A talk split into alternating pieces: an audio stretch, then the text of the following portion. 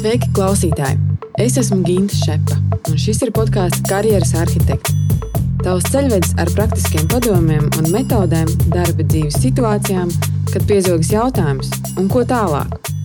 Tās būs sarunas ar cilvēkiem no dažādām industrijām, par viņu karjeras ceļiem un dažādiem veidiem, kā cilvēki realizē sevi. Karjeras arhitektiem var sekot arī Facebook un Instagram. Tur es mēdzu padalīties ar vērtīgiem resursiem saistībā ar karjeras attīstību. Šodien man viesņa ir Publiskās runas institūta oratore, līdzdibinātāja un vadītāja, karjeras kočs un divu grāmatu autore Laura Vanaga Mitskeviča. Orators aktivitātēm es esmu sekojis man šķiet jau no pašiem pirmsākumiem. Un, manuprāt, Laura kopā ar savu partneri Dagniju Leņu darbojas ar tēmu, kas tik daudziem no mums ir lielākās bailes - uzstāties un runāt publiski.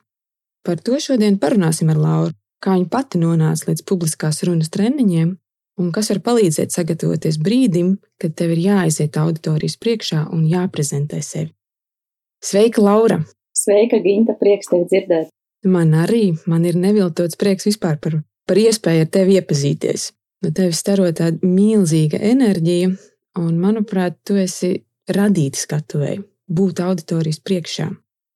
Vai tu pats tā jūties?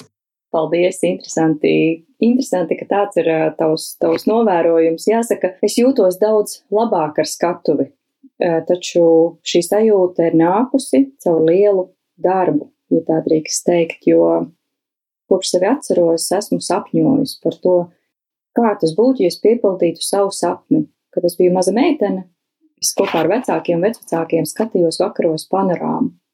Man ļoti patika, kā runā Arta Andersona panorāmā. Man šķita, izaugšu liela, būšu Arta Andersona. Man tā gribējās, taču man bija kopš sev atceros ļoti bailes runāt publiski.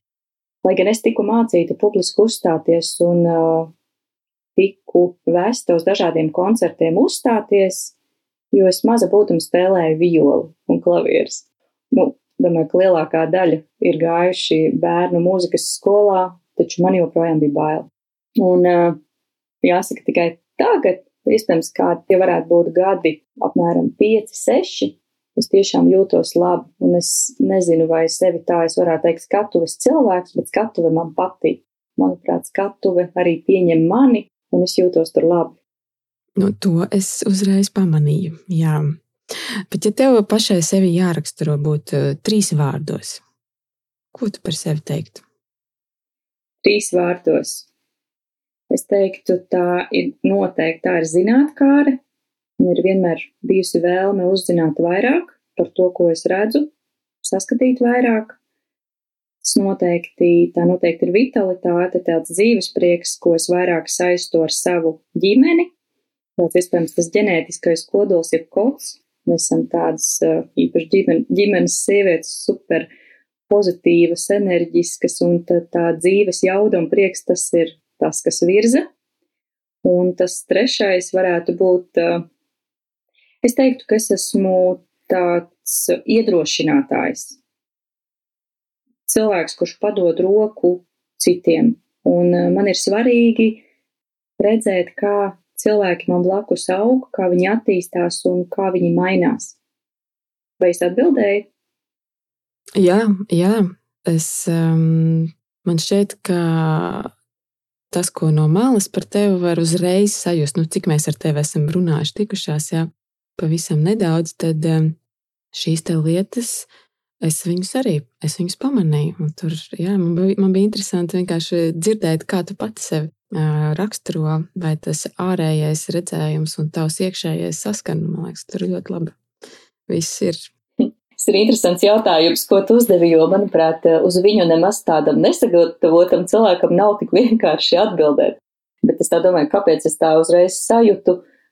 Ja, ja tu man tā simboliski prasītu, jautātu, es teiktu, ka es sevi redzu kā tādu saulēktu, sauli, kas aust, jo uh, coaching sesijās es arī pati esmu kočs un pati regulāri apmeklēju koču, un uh, mans kočs man ir jautājis, uzdevis šo jautājumu, kā tu sevi redzi kā simbolu, kas ir tas, ja tev būtu simboliski sevi jāasociē, jāasociē Saka, tas ir saule, nevis saulrietis, bet saulēkts, saule, saule, kas aust un, un, un, un dod gaismu citiem. Un es redzu, ka es, nu, jau es varu padot roku citiem caur tādu savu, savu pieredzi. Ļoti skaista asociācija. Kas ir gan oratore, publiskās runas treniņos, un, un tās ir sievietes, jo oratoras misija ir darbs ar sievietēm. Mēs redzam, ka ir dažādi sociāli un vēsturiski faktori, kas, diemžēl, neļauj sievietēm būt ar pietiekumu augstu pašapziņu, taču mēs redzam tos milzīgos talantus un spējas, kas ir īpaši sievietēm Latvijā.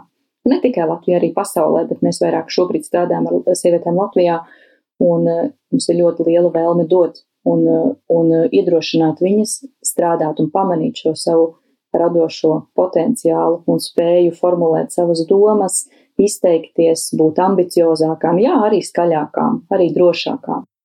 Jo mums ir tāds labs novērojums, ka, nu, un aicinājums nebūt tādiem circenīšiem aizkrāsnē un, un vairāk, vairāk pieteikt sevi, runāt, nebaidīties runāt, pat tad, ja mēs neesam perfektas, sākt runāt par savām vajadzībām, par savām vēlmēm, par saviem sapņiem, un, un katrā ziņā mēs iedrošinām darīt. Cik tu labi pateici par circinīšiem aizkrāsnēm. Tas man liekas tāda ļoti laba tāda, jā, um, asociācija. Es varu vairāk pieminēt, piedod, jā, es vairāk varu pieminēt uh, Dagniju, jo, jo šis īstenībā šos esmu aizņēmusies no savas uh, oratoru partneres Dagnijas par to circinīti, jo to es esmu no viņas iemācījusies. Kad es viņu intervēju savai otrajai grāmatai, kā gūt panākumus Latvijā, viņa minēja šo frāzi par circenīšiem aizkrāsnē. Tas, manuprāt, ir kaut kur pat kādā rindkopā ielikts, un es teikšu, ir labi to atcerēties. Jo mēs vienmēr varam sakautrēties, bet, bet mēs varam arī rīkoties pilnīgi pretēji, būt droši. Un tas nav ierasti. Iespējams, mūsu, mūsu mentalitātei, varbūt mūsu kultūrai būt klusākiem, piezemētākiem. Mēs aicinām uz pretējo, taču darīt varbūt to gudri un apzināti. Jā, jā, noteikti. Tā, tā mūsu pieticība kaut kur vairāk pa priekšu iet nekā tas, kas, ko mēs varam uz ārā parādīt un dot citiem. Um, bet, jā, atskatāmies atpakaļ. Ar ko tavs karjeras ceļš aizsākās? Vai tavas jau pirmās karjeras izvēles bija apzinātas? Vai tu zināji, kas tu gribi būt? Jā, labs jautājums. Es nevarētu teikt, ka simtprocentīgi esmu zinājusi, ko vēlos jau no pašiem pirmsākumiem, taču noteikti esmu klausījusi tādai savai intuīcijai, sauc, varētu saukt to par sirds balsi, ja klausījusies sevi. Nu, kā koč, es esmu centusies būt arī kā kurpnieks, tomēr ar kurpēm. Nevienmēr tas ir izdevies, taču esmu sevi aicinājusi un iedrošinājusi uzdot pati sev jautājumu, kur esmu šobrīd, kur gribu nokļūt un kas man padodās, kādi ir mani resursi. Bet, ja mēs par to karjeras ceļu, tas ir bijis pieredzes bagāts, interesants, ir iepazīstas dažādas vides, kultūras, man ir ilg, ilgadējā darba pieredze personālā konsultāciju jomā, pirms tam vācu uzņēmumā Henkel. Taču sākotnēji mans pir, pirmā darba vieta ir Zviedru, Zviedru organizācija Tetrapak. Un, taču svarīgākais, ko es varu teikt, tajā visā ir bijušas attiecības, ko, ko man izdevies saglabāt un veiksmīgi uzturēt caur visiem šiem gadiem. Un kā tu jautāji par šo apzināto izvēli, to gan es varētu saukt par apzinātu izvēli, veidot attiecības. Jo sevi arī varētu saukt par tādu attiecību cilvēku, un, un es zinu, cik, cik svarīgi ir uzturēt attiecības, veidot attiecības un dalīties kaut kādās lietās, lai šīs attiecības ir jēgpilnas un vērt, vērtīgas, Un, ja es tā padomāju, kādas ir manas attiecības ar, ar organizāciju vadītājiem, tad organizācijās, kurās esmu darbojusies, ir kolēģiem, tās patiešām ir saglabājušās kā tādas, nevarētu teikt, ļoti stipras draudzības, bet ir arī tādas draudzības, ko nu jau var saukt arī par draudzībām, ne tikai vienkārši paziņu attiecībām. Un tas arī ir tas vērtīgākais un lielākā bagātība, ja es atskatos atpakaļ ne tikai tas profesionālais muskulis, bet tieši tieši šī spēja komunicēt. Tev liela daļa tavā profesionālajā ceļā ir, ir uh, coaching prakse. Jā. Kā tu pati līdz coachingam nonāci? Kāpēc coachings? Jā, kāpēc coachings? Šī arī bija tāda intu, intuitīva izvēle. Tajā laikā es uh, biju piederīga, darbojos organizācijā, uzņēmuma personāla konsultāciju uzņēmumā Eiropersonāls un abi Arta Biruma Eiropersonāls īpašniece un vadītāja, kura, kura man iedrošinājuši šim solim, jo organizācija bija izlēmusi pievērsties, pievērsties coachingam, un arī es tajā laikā sajūtu dabisku vēlmi. Un man nav tāda ļoti or, konkrēta argumenta, kāpēc. Bet, ja man būtu jānoraksturo, kas, kas, ir, kas ir coachings un ko es tajā laikā sapratu, jau, jau uzzinot vairāk par to, tas ir dzīvesveids. Patiesībā tā ir spēja saskatīt savus resursus un ne tikai klausīties, bet arī sadzirdēt sevi, sadzirdēt otru un zināt uh, savu dzīves vektoru, jeb to, kāpēc. Un coachingu, coachingu es redzu kā milzīgu resursu pozitīvā ziņā, kas man ir palīdzējis veidoties, veidoties par to, kas esmu šobrīd. Un es saprotu, tas ceļš laikam nekad nebeigsies. Es visu laiku veidoju, veidojos, un, un uh, šis ir resurs, ar ko es varu arī palīdzēt citiem, ieraudzīt savas, savas spējas un patiešām to savu augstāko augstāko potenciālu, jo es skatos no jogas prizmas. Es arī pasniedzu gandrīz desmit gadus kundalīni jogu, tad arī tur tas uzdevums ir meklēt, atrast šo savu radošo potenciālu un, un, un likt to lietā. Šīs ir tās, šie tie virzieni, kas, eh, kas ļoti labi saskan. Un uh, abi virzieni ir visu laiku gājuši paralēli manai profesionālajai karjerai. Kas tev patīk pašai koča darbā, kā profesijā? Man patīk uh, tas mūžīgi neatklātais, tā. Man ļoti patīk uh, tas nezināmais, jo katrs, tas, katra tā saruna, katrs cilvēks ir kā tāds neizzināts, kāda neizzināta pasaule, un uh, interesanti, ka viņš pats bieži vien nezin, ko viņš var, ko viņš var atrast sevī rokot, uzdodot, uzdodot jautājumus. Es viņu virzu ar jautājumiem, viņš pats, viņš pats uh, uzdod sev šos jautājumus un ir daudz šīs vērtīgās pašrefleksijas. Un uh, man patīk šīs pašatklāsmes, jeb uh, insighti, jeb atziņas, ko cilvēks domājot par, par, par sevi var iegūt. Un, kā es vienmēr saku, coachingā visdrīzāk, ka mums cilvēkiem nav tādas vienas stundas laika, lai tagad parunātos ar sevi. Tāpēc ir labi, ka ir coachings, un, un, un arī es pati. Dodoties pie koča, ļoti, ļoti novērtēju šo vienu, kā es saku, viena zelta stunda nedēļā, kad es varu kvalitīvi parunāties ar sevi. Zini, kā es domāju, cilvēkam no malas klausoties par koča profesiju, par to, ko kočs dara, varbūt neiedziļinoties, um, nu, tas priekšstats var būt tāds, um, nu, kas tur ir, nu, vienkārši parunāties, aiziešu parunāties nekas, nekas tāds grūts. Um, vai tu vari nokomentēt, eh, nu, kas šajā profesijā ir tā maizes garoziņa?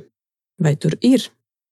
Coachinga profesijā, kā visās profesijās, noteikti ir eh, maizes garoziņa, bet es teikšu, tas ir, kā mēs uz to skatāmies un kā mēs, kā mēs uztveram.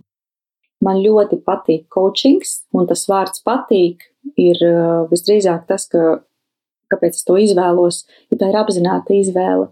Es jūtos ļoti labi šajās kurpēs, un uh, man ir svarīgi sekot tai kvalitātei. Un varbūt kādam tas šķitīs garlaicīgi, bet tomēr tie ētikas standarti, kuriem es arī pieturos, man arī ir augsti un ļoti svarīgi un būtiski. Un kas ir garoziņa? Garoziņa ir dažādas praktiskās situācijas, arī kā jau šajā, šajā sfērā un līdzīgās sfērās. Mēs varam kā koči nederēt, nederēt visiem, Un ne visiem mēs varam patikt, un tas ir jāapzinās. Tas ir tāds jēdziens, coachingā raports, jeb šis tiltiņš uz otru cilvēku. Un jāsaprot, nevienmēr tas var izveidoties. Un tas arī ir ok, tāpēc ka ar mums visiem viss ir ok. Mēs esam ļoti dažādi. Un ja mums uh, īsti nav pa ceļam būt uh, spējīgam, godīgi atzīt, ka mēs turpmāk, piemēram, nevarēsim strādāt, man gan jāzi, jāsaka, tā nav gadījies, laikam nekad, vai iespējams vienu reizi bija tāda situācija, ka bija viena sesija, un mēs sapratām, ka mēs neturpin, neturpināsim. Un es teicu, es jūtu, ka, nu, ka mēs nespēsim strādāt. Tā ir reti, bet tā var būt.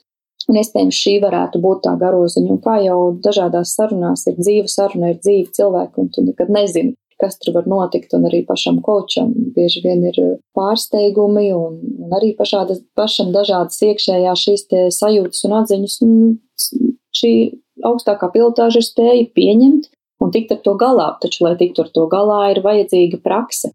Bet ko, ko coachings, piemēram, ir, ko coachings var iedot, tas ir neizmērojami. Un, un varbūt tas tā skaļi skan iespējams, bet man ir svarīgi to teikt, ka, manuprāt, cilvēki pat dažkārt nenovērtē to, ko var iedot coachings kaut kādās situācijās, kad ir nepieciešams atrast resursus. Tāpat mans personīgais stāsts, kad man šķiet, es jau biju tev mazliet šo stāstījis sarunā, kad mēs pirmoreiz tikāmies. Man bija ārkārtīgs bailes, bailes uzstāties publiski, un es atceros, tajā laikā strādāju Eiropas personālā, un, un vadītāja Arta prasīja, nu, kas tev būtu tāds nu, lielākais mērķis, tāds izaicinošākais, teicu, nu, uzstāties 300 cilvēkiem. Un, un viņi saka, labi, tad meklēsim ceļu, veidosim, veidosim tavu, tavu pieredzi, kā to, kā to realizēt. Un pagāja, manuprāt, pāris dienas, kad es viņai teicu, jā, es esmu gatava un es gribētu atrast savu mentoru skolotāju. Un, un kā mentoru, skolotāju koču es atradu Dagniju Leņu. Man ļoti patika, kā viņa uzstājās, man patika, kā viņa sevi piesaka, kā viņa runā, kā viņu, kā viņu cilvēki uztver, un patika, patika tas veids, kā viņa sevi pasniedz. Un uh, es uh, vienojos, ka, es, ka viņa man būs, ka viņa man pamācīs, kā to labāk izdarīt un iedrošinās tikt pāri bailēm. Un uh, ar Dagniju es tikos kāds, manuprāt, tas bija trīs reizes, bet uh, viņa kā kočs, kā tāds skolotājs tieši man parādīja to, to gaismu, ja veidu, kā, kā var tikt pāri savām bailēm. Jums bija kāda tehnika? Jā, zinu, kā es atceros, par kādu tēmu es pie viņas vērsos. Manī uzaicināja uzstāties, nu, es pati biju šo pasūtījumu izteikusi skaļi vārdos. Dažkārt mēs tad skaļi nosaucam, ko mēs gribam. Mēs arī sastopam šādu situāciju. Man uzstāja, uzaicināja uzstāties lielā pārdošanas konferencē, pārdošanas formula. Un auditorijā bija, manuprāt, 350 plus cilvēku, un izdzirdot šo skaitli, es sapratu viennozīmīgi, man vajag mentoru, vajag skolotāju. Un, un nu, tikoties ar Dagniju, tad man bija mērķis šī konkrētā, konkrētā prezentācija, vēl tagad atceros to nosaukumu. Man bija līdzīgi kā filmā Ēd lūdzies mīli, tas bija par manu tādu apzinātību šajā pārdošanas darbā, un prezentācijas nosaukums bija Ēd lūdzies pārdot. Un tas bija par dažādām atziņām, atziņām un tehnikām, jā, kā, kā, kā izmantojot atbilstošas elpošanas tehnikas, afirmācijas, Un vispār kā paškočingu, kā sarunājoties ar sevi, mēs varam šo te ikdienu radīt un veidot tādu, tādu apzinātāku. Un tas, ko Dagnija darīja, viņa man vairākas reizes uzdeva šo jautājumu, ko tu gribi, kā tu gribi redzēt sevi šajā, šajā prezentācijā, kā tu gribi justies, kā tu gribi, lai citi jūtās. Un tev visu laiku ir jāatcerās tas mērķis. Un arī šobrīd, kad cilvēki pie mums vēršās publiskās runas treniņos ar jautājumu, kā, kā man noprezentēt eh, tā lai, tā, lai man izdotos, tā, lai es pats esmu apmierināts. Mēs visu laiku jautājam to, kā tu pats gribi justies un kā tu gribi likt citiem justies. Un vispār, kāpēc tu esi piekritis uzstāties. Un šis te kāpēc nav nevienmēr ir ļoti ātri un vienkārši atbildams, bet ļoti nozīmīgs jautājums. Un kas notika pēc šīs konferences? Vai kaut kas mainījās? Mainījās viss kā filmās. tā ir reālā dzīve. Dzīve kā kino. Dzīve kā kino, jā. Uzstājos, un es atceros to dienu, tas bija oktobris, un es atceros to mm, oktobrī, kā kaut kāds 28. oktobris bija šī konference, un, un es labi, labi, labi trenēta, trīs reizes runājusi ar Dagniju, un, un visas savas bailes uh, izrealizējusi. Ļoti daudz reizes biju nu, trenējusies. To mājas darbu jāsaka, es biju labi izpildījusi. Kāds, nu, pusgadu es biju trenējusies desmit minūšu prezentācijai. Bet tajā milisekundē, kad es kāpu uz skatuves, kurai bija sarkans paklājs, es domāju, tā, es tik ilgi ar šo darbojos un tik ilgi arī baidījos. Kāpēc es tik ilgi gaidīju? Es sapratu, šī taču ir vienkārši saruna. Labi, zālē ir 350 plus cilvēki, man spīd prožektori acīs, un, un, un tas ir savādi. Es neesmu bijusi, bet tā ir jauna pieredze, Un, jebkurā gadījumā tā ir saruna. Atšķirība tā, ka es esmu labi sagatavojusies šai sarunai, jo es biju priekš sevis pati atradusi labu metodi. Es ne tikai Dagnijai biju noprezentējusi un, un mājas darbus labi pildījusi, bet es biju atradusi vairākus mentorus dzīvē cilvēkus, kuri, kuriem ir kā autoritātes, un es viņiem noprezentēju šo savu desmit minūšu prezentāciju. Man tas ļoti palīdzēja. Nu, lūk, Es biju apkopojusi šajā prezentācijā dažādas atziņas, tātad apzinātības instrumentus eh, biznesā, un uh, Un tā atsaucība pēc šīs konferences bija tik liela, kad es sapratu, laikam jāsāk pierakstīt. Un es pierakstīju Wordā tādas savas uh, spil, spilgtākās atziņas no konferences, un vienā brīdī sajūtu, sapratu, droši vien tā jušana man vairāk caur, caur jogu ir palīdzējusi, ka es varētu uzrakstīt savu pirmo grāmatu. Un um, man patika tā doma, jo es sapratu, es, bet es to izdarīšu tikai tad, ja es uzlikšu konkrētu mērķi, kad es to varu izdarīt. Un, uh, un, un tas ar sevi gudri parunājos un, un vienojos, ka es pēc gada varētu izdot grāmatu un uh, iz, izvēlējos viņai nosaukumu, saliku pirmos plāna punktus un sapratu, ka pēc gada ir, lai vai kas, jāiznāk grāmatai uh, joga un pārdošana. Tad apzinātības instrumenti biznesā, jeb uh, par to, ka mēs esam visu laiku nemitīgā vāveres ritenī un kā sevi gudri apstādināt. Tas ceļš nebija tik, tik, tik viegls un varbūt tāds ļoti gluds, jo es iedomājos, sākotnēji rakstīšu grāmatu, tas būs romantiski kādā Mārcienas mužā aizkara plīvos un viss būs tik viegli un skaisti, man būs daudz laika. Tā jau nebija realitāte, jo es uh, dzīvoju mājās ar savu biju Lukasam pāris, pāris mēneši, un nevienmēr es biju labā garstāvoklī, nevienmēr es biju labi izgulējusies, jo, jo ģimene arī prasa savu. Un patiesībā es vienojos ar sevi, ka es rakstīšu grāmatu tad, kad es varēšu. Tas vienkārši, kad man būs brīvs, kad uh, vecmāmiņa varēs pieskatīt manu dēlu, un kad es varēšu vienkārši tam pievērsties, ka man būs tāda labā sajūta, jeb labā diena. Un tā es, tā es reizes, reize uz reizi, man nebija tāds konkrēts grafiks, kad rakstīt, tas bija tā plū, plūdoši, vairāk plūdeni, un uh, tomēr tas izdevās. Un es teiktu, tas izdevās arī tāpēc, ka no coachinga ir ļoti svarīgi to zināt, to laiku, kad tu to izdarīsi tas par to pašdisciplīnu un apņemšanos, un par to pašdisciplīnu es arī jā, runāju un stāstu grāmatā, ka ir liela atšķirība starp motivāciju un pašdisciplīnu. Viens ir gribēt un sapņot, un otrs ir uh, ņemt un darīt un rīkoties. Un uh, tas rezultāts ir, viņš, viņš, viņš ir izdevies, un grāmata iznāca 16. gadā bija sajūta, ka tāds, eh, ka tāds vēl viens bērniņš, kuru, kuru izauklēju un neko nezināju, kā tas būs, taču zināju, ka tas izdosies. Un izdevās. Izdevās. Izdevās. izdevās. Jā, jā, un patiesībā tas arī, ja ko tas mainīs, mm, es, ja, ja tu man jautātu, ko tas mainīs, tas mainīs ļoti, ļoti daudz. Un tā, tā grāmatas iznākšana bija tāda viena liela, liela transformācija manā dzīvē, jo tā lielākā alga par to bija, ka cilvēki rakstīja rakstīja pēc grāmatas izdošanas, kā viņiem un kas viņiem ir mainījies. Atceros, ka man viena grāmatveda rakstīja, ka viņa ir mainījies viss, ka viņa ir aizgājusi, aizgājusi no darba un pievērsusies tādam darbam, kuram viņa ilgi nebija saņēmusies. Viņa ir pateikusi tam jā. Un tas ir par to iekšējo tādu atkal iedrošinājumu, kā man ar sevi sarunāt, kā man ar sevi vienoties. Un visas šīs dzīves stāsti un visas, visas šīs izmaiņas bija tas, laikam, tie saldākie darba, darba augļi. Vai, vai, vai grāmatas izdošana, apņemšanās to uzrakstīt pēc tās konferences bija vienīgais, kas notika pēc tam? Protams, ka nē. Turpināsim tēmu hashtag dzīve kā kino. Protams, tas nebija vienīgais. Grāmata iznāca, un arī te ir jāsaka, cik viņa brīnumaini iznāca. Jo es tā priekš sevis biju, pie sevis biju izlēmusi, ka, nu, tad man vajadzētu tā pavērāt tos eksemplārus. Nu, kādus varētu divi tūkstoši mazliet pāri. Man jau arī nebija redz tādas, tādas iespējas. Redz, es vēl pakavēšos mazliet par to, kā viņi iznāca, jo tas arī par to nākamo, atbildes nākamo jautājumu, ko tu uzdevi. Un uh, liels skaits grāmatu, li, kā liekas, 2300, un, un, un kur tie resursi un kur viss, un, un uh, arī bija vēl viena tāda, vēl viena tāda atziņa, ka, ja tu ļoti gribi kaut ko, tad arī, uh, tad arī prasi, prasi tam, tam visumam. Un uh, es uzrakstīju skaistu vēstuli PDF, noformēju, uzrakstīju par pētījumiem un, un nosūtīju saviem paziņām, ka, ka, ja jūs man ticat, es priecāšos par jebkādu nezinu, finansiālu, emocionālu, jeb, jeb, jebkādu barteru atbalstu grāmatas izdošanā. Tā palīdzība bija tik liela, ka tas izdevās. Un arī šis faktors bija tas, kas mainījās pēc tam, jo bija dažādas jaunas, jaunas, jaunas draudzības un nenovērtējamas situācijas.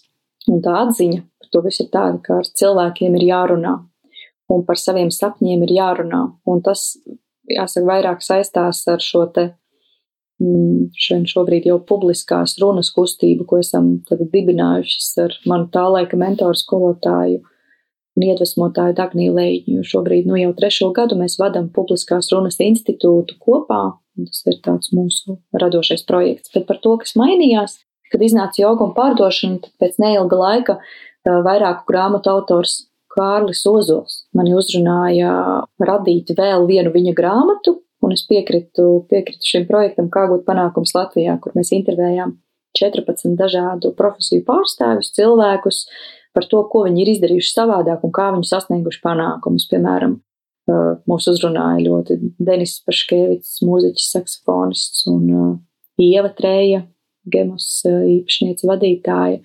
Es stāstu ļoti dažādu Olga Kotova, kur man arī, starp citu, bija kolēģi uzņēmumā Tetrapak. Un Šis bija vēl viens tāds brīnums stāsts, jo arī šis, šis projekts mums, mums ar Kārli izdevās. Un kas tad vēl mainījās, un tad neilgi pēc grāmatas, kā gūt panākumus Latvijā arī un uzkrātās pieredzes personāla konsultāciju jomā, kas arī bijusi ļoti bagātīga un vērtīga, satiku uz ielas Dagniju, un Dagnija saka, nu, tu tagad tāda brīva, es saprotu, no darba tu aizgājusi, varbūt tu gribi kaut ko kopā darīt. Un tas pirmais ir, nu, es vēlos atpūsties. Tas ir tas, ko es vēlos darīt. Bet tā jau dzīvē nenotiek, vai ne? un uh, viņi saka, nu, bet varbūt tu vēlies iesaistīties. Man te ir viens tāds jau sen lolots sapnis. Publiskās runas institūts sievietēm. Es domāju, publiskā runa, tas ir kaut kas tāds, kam es esmu pati situsies cauri un pudu, pudu sāli pudu sāls esmu apēdus šajā jomā. Un man ir bijušas garas, ilgas sarunas, kā pārvarēt bailes, nedrošību, un vispār esmu mēģinājis nodefinēt, ko man nozīmē publiski uzstāties un kas ir šis manifests. Un es piekrītu. Es piekrītu un uh, ar domu, ka paskatīsimies, kā nu būs. Uh, varbūt sanāk. Katrā ziņā tā misija un tas mērķis bija tik spēcīgs, un kā gribējās teikt jā. Un šī pateica jā. Un tā mēs iesākām, un tā mēs vēl joprojām turpinām. Un šis, kā jau minēju, trešais gads, un sezona atkal mums eh, atsākās tagad 26. augustā, un, un par ko ir milzīgs eh, prieks un gandarījums, ka mēs redzam, cik tas ir nepieciešams ne tikai sievietēm, arī vīriešiem un visiem cilvēkiem kopā. Šis iedrošinājums, šis iedrošinājums uh, runāt, un ne tikai runāt, bet arī spēt to domu formulēt tādā saprotamā veidā, interesanti, jo mūsu tā pamatdoma ir aicināt veidot autentiskas prezentācijas. Un uh, arī aicinām, kā sevi noformulēt 30 sekundēs, un tā ir ļoti interesanta tēma, jo esot piederīgai BNI, Business Network International, kas ir lielākā tīklošanās organizācija pasaulē, es jau esmu trešo reizi piederīga Latvijas grupai, Katru nedēļu jāskato 30 sekundžu prezentācija. Es katru nedēļu 6.45 no rīta jau esam ēterā, jau no rīta runājam, un šis arī ir palīdzējis uzaudzēt tādu labu prezentāciju muskuli un saprast, cik, cik dažādi mēs varam izteikties, cik dažādi varam formulēties un cik tā viena prezentācija var ļoti izmainīt citu cilvēku dzīves, ka jāspēj pareizi noformulēt. Jo, ja es tā domāju par savu un vispār par savu, jeb citu cilvēku vizītkarti, mēs esam pieraduši domāt tādās varbūt savās amata pozīcijās. Projektu vadītāji, radošie projektu vadītāji, grāmatveži, mm, dažādi mums ir amati. Jautājums, kas stāv aiz mūsu, mūsu šīs vizītkartes, un tas ir daudz interesantāk, tas ir daudz plašāk. Jo cilvēks nav tikai profesija, viņš nav tikai grāmatvedis vai projektu vadītājs, jeb personāla konsultants. Šis cilvēks ir daudz vairāk ja izdodas uz to atbildēt, uh, tas ir daudz. Es tieši gribēju vaicāt, um, vai tu vari nu, plašāk nokomentēt, kur uh, šāda publiskās runas prasmes, uh, kā tās var karjerā palīdzēt, kādas situācijas cilvēki piedzīvo, kur ir vajadzība sevi parādīt, prezentēt, un kā jūs varat palīdzēt orators kustību Es teiktu, tas var palīdzēt pilnīgi katru dienu. Un šī lifta runa, lifta runa tātad ir šī pēc teorija 30 sekundžu līdz minūtē pašprezentācija, kur uzdevums ir sevi īsi formulēt. Protams, satiekot kādu cilvēku, mums nav, nav, nav šī lifta runa, kas jāsaka, mēs runājam dabiski. Tajā pašā laikā šī pašprezentācija var ļoti palīdzēt darbā sevi piesakot, karjerā, kad mums ir darba intervijas, jo strādājot un arī kā karjeras kočam cilvēki nāk pie manis un jautā, kā man sevi labāk pieteikt, kā man sevi formulēt. Un tad ir jautājums, droši vien intervijā, darba intervijā pastāstīsi daudz, kas ir tas kodols, ko tu par sevi gribi grib pateikt, ja kas ir, kas ir tās galvenās lietas. Tad, tad darba intervijā var palīdzēt pašprezentācija, uh, formulējot sevi kaut vai LinkedIn. Mēs arī sevi varam noformulēt interesanti pasniegt, tāpat arī paneļa diskusijas, konferences. Mēs arī, kad uh, publiskās runas treniņos oratoris skatuve, uh, mēs arī dodam šo te uzdevumu fonu, kad kā būtu, ja jūs sev iedomājaties tādā lielā konferencē, kur ir simtiem cilvēku. Kas ir tas, ko jūs teiktu par sevi, ja vajadzētu pastāstīt par sevi, gan par savu darbu, gan par savu hobiju, gal galā par sevi kā par uh, interesantu cilvēku. Kas ir tas, ko jūs teiktu pāris teikumos? Kā tas var palīdzēt vienmēr, vienmēr un visur. Un uh, es uz to skatos ne tik daudz, kā tas var palīdzēt tādas, kad iziešu uz ielas un sevi prezentēšu. Jāatcerās, ka tā ir arī tāda pašizziņa pašam ar sevi. Jo tas, ka mēs varam nomaldīties no ceļa un pazust šajā jautājumā, kas es esmu, ja tas ir viens no biežāk uzdotajiem jautājumiem, tas ir fakts.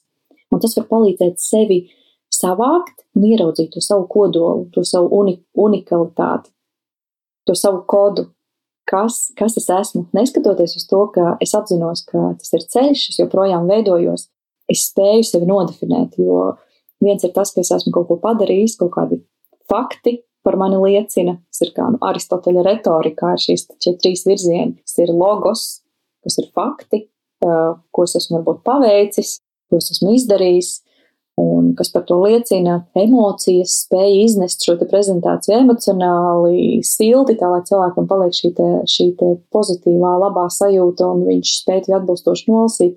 Un uh, trešais ir tas etos, kas ir, kā man cilvēki uzticās, kad viņi redz, ko viņi par mani domā, kā viņi mani uztver. Un viss skaitās, visas trīs virzieni ir svarīgi. Noteikti es savā darba ikdienā arī esmu ilgu laiku atlasē redzējusi, piedzīvojusi ja tos brīžus, kad intervijās cilvēkam ir sevi jāprezentē. Un, un nav viegli, un nav viegli, un cilvēki meklē vārdus un nevar noformulēt, tad, nu, kas es esmu, jā, triviāls jautājums, jā, bet mm. un cik tas ir būtiski no pirmajām tiešām 30 sekundēm, kā tu sevi pasniedz tas ir tāds spēcīgs impulss, kā tā saruna tālāk aizies un, un kāds priekšstats par tevi veidosies, par ko laikam nu, tik bieži cilvēki nedomā. Kād, kād, kāds tiešām kāds nozīmīgums ir tam pirmajām 30 sekundēm, kā tu sev prezentēsi? Tas ir kā ar pirmo iespaidu pēc pētījumiem, jo nu jau ir jau pir, kādreiz bija tur septiņas, tagad ir pirmās trīs sekundes, jau viss, viss ir palicis laika ziņā jau super ātrāks. Un, un, jā, kas ir tas pirmais iespējas par tevi, un tāpat ir tā pirmā runa, ko tu par sevi pateiksi un kā tu mm. pateiksi.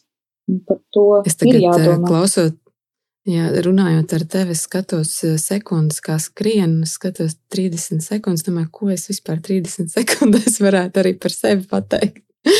Tu noteikti, varētu, tu noteikti varētu pateikt, jo redz, ar tām 30 sekundēm tas jau, jau no, tas jau nav tikai runas saturs, tur ir uh, daudz dažādi elementi, par ko mēs runājam, kas ir balss, kas ir ķermeņa valoda. Par balsi es jau tad Ginta nokomplimentēju. Es varu pateikt arī publiski, man ļoti noteikti noteikti savā podkāstā neizdzēs.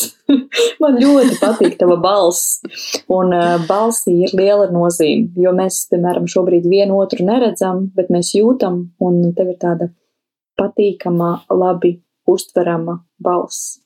Paldies! Paldies! Un par to balsi arī mums cilvēki, nu, protams, mēs auditorijā jautājam, paceliet rokas, kuram no jums patīk sava balss. Un tu vari iedomāties, nu, tad lielākā daļa Saka, nē, nu, principā nekad, ne, reti, kad varbūt no desmit viena roka pacelsies, ka viņš sadzīvo ar savu balsi, bet cilvēkiem savu balsi nepatīk. Ar balsi arī ir jāspēj viņu gan iepazīt, gan sadzīvot, un tur mums liels palīgs ir bijusi mūsu lieliskā pasniedzēja Dana Indāne Surkiene, kur dzīvo Kaunijā, un bieži vien brauc mums palīgā, un viņi ir caur visādiem ieteikumiem un trikiem iemācījusi mums balsi iepazīt arī padziļināt. Es atceros, ka viens no tiem ieteikumiem, ko viņi teica, un to es arī vienmēr dalos saviem, saviem kolēģiem un arī klientiem, tā kafijas dzeršana pirms uzstāšanās. Protams, mēs zinām, tā mute paliek tāda, tāda, tāda sūra, varbūt savēlkās to kafiju nedzert, bet īpaši nedzert kafiju ar pienu Un, jo ko tas rada? Tas rada tādu krekšķēšanu. Un sākās šis te pirms uzstāšanās. un tad vēl es saku, piedodiet, un tad es vēlreiz saku, piedodiet. Mēs no tā varam izvairīties, dzerot vienkārši ūdeni, ūdeni ir ar citronu, piemēram. Tas viss ir tādi mazi Labs, elementi, mazi elementi, tips un triks, jeb padomi, ko zinot, nu, mazās lietas, bet viņas veido lielo bildi. Tieši gribēju vaicāt, jā, vai ir vēl kādi nu, biežākie šķēršļi labai publiskai runai, ko tu esi novērojusi? Nu, cilvēki par, par ķermeņa valodu. Viņi saka, nu, redz, man kā uzēju uz skatuves, tā man, piemēram, sāp, sāp, sāp, sāp jau vēders no tām bailēm, ja sāp kuņģis, kas ir klasiska vieta, kas man kuņģis jau griežās domājot, vien, ka tūlīt man ir prezentācija. Un tad ir jautājums, ko darīt. Un ar šo mēs strādājam padziļināti, vairāk individuāli, esam kā mentori, novērotāji. Un uh, mēs aicinām, kā vedam cilvēku uz tādiem senākiem notikumiem, kā vispār ar to uzstāšanos un kas ir bijis. Un bieži vien izrādās, ka tas ir sācies jau kaut kur bērnībā, skolas laikā, nereti kāds kaut ko ir pateicis, aizrādījis, un cilvēks ir saslēdzies kaut kādā ziņā. Bet ir tie skaistākie brīži mums, Tad cilvēks apzinās, kuri ir šie brīži bijuši un kāpēc viņš baidās. Un, ja izdodas līdz tam aizrakties, ir iespēja to apzināties un ar to strādāt, un, piemēram, piemēram ķermeņa valoda. Sievietes saka, redz, man trīc kāja, ja trīc acis nervs, un es nevaru parunāt, man tas traucē, un par to ir jādomā. To apzinies, pamani, saproti, liec klāt tehnikas. Viena no tehnikām labām ir elpošana, un elpot vajag vienmēr, un to es vienmēr arī no jogas atgādinu, un dažādas tehnikas parādu, caur kurām mēs varam nomierināties, atslābināties, tajā pašā laikā koncentrēties savai runai, kas ir ļoti būtiski. Un, ja mēs vairāk pievērstu uzmanību elpošanai, mēs noteikti kļūtu, kļūtu labāki, labāki, brīvāki runātāji. Jo, jo elpošana tā ir, tā ir atslēga, tas ir bezmaksas instruments, ko mēs pilnīgi visi varam likt lietā. Viss, viss ģeniālais ir vienkāršs. Viss ģeniālais ir vienkāršs. Sens, ne, sakāmais. Uh, kur var uzzināt par uh, oratoras aktivitātēm? Ja es tagad esmu dzirdējusi reku sarunu ar Lauru un saņēmu drosmi, gribu, gribu palīdzēt sev.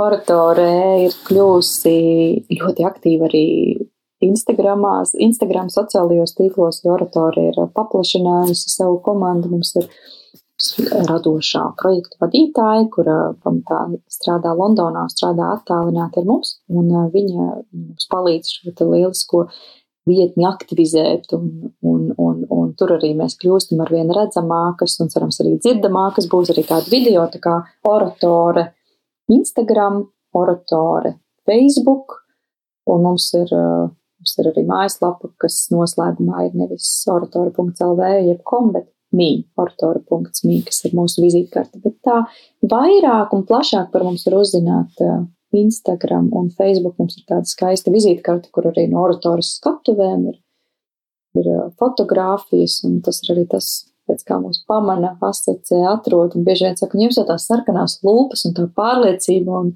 un jūs tik skaistas, un viss, mēs sakam, tas ir šis te arī ārējais tēls, šis ir viens no faktoriem, kas ir pārliecība, lai mēs pārliecināti kāptu uz skatuves, mums ir jāizskatās labi vienmēr, un par to ir jādomā.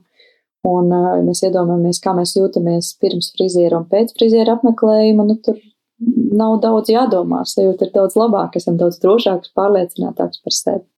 O, jā, tas frizieris dara daudz. frizieris dara daudz. Vai jums, jā, vai jums jau tuvākajā laikā ir plānot kaut kādi pasākumi?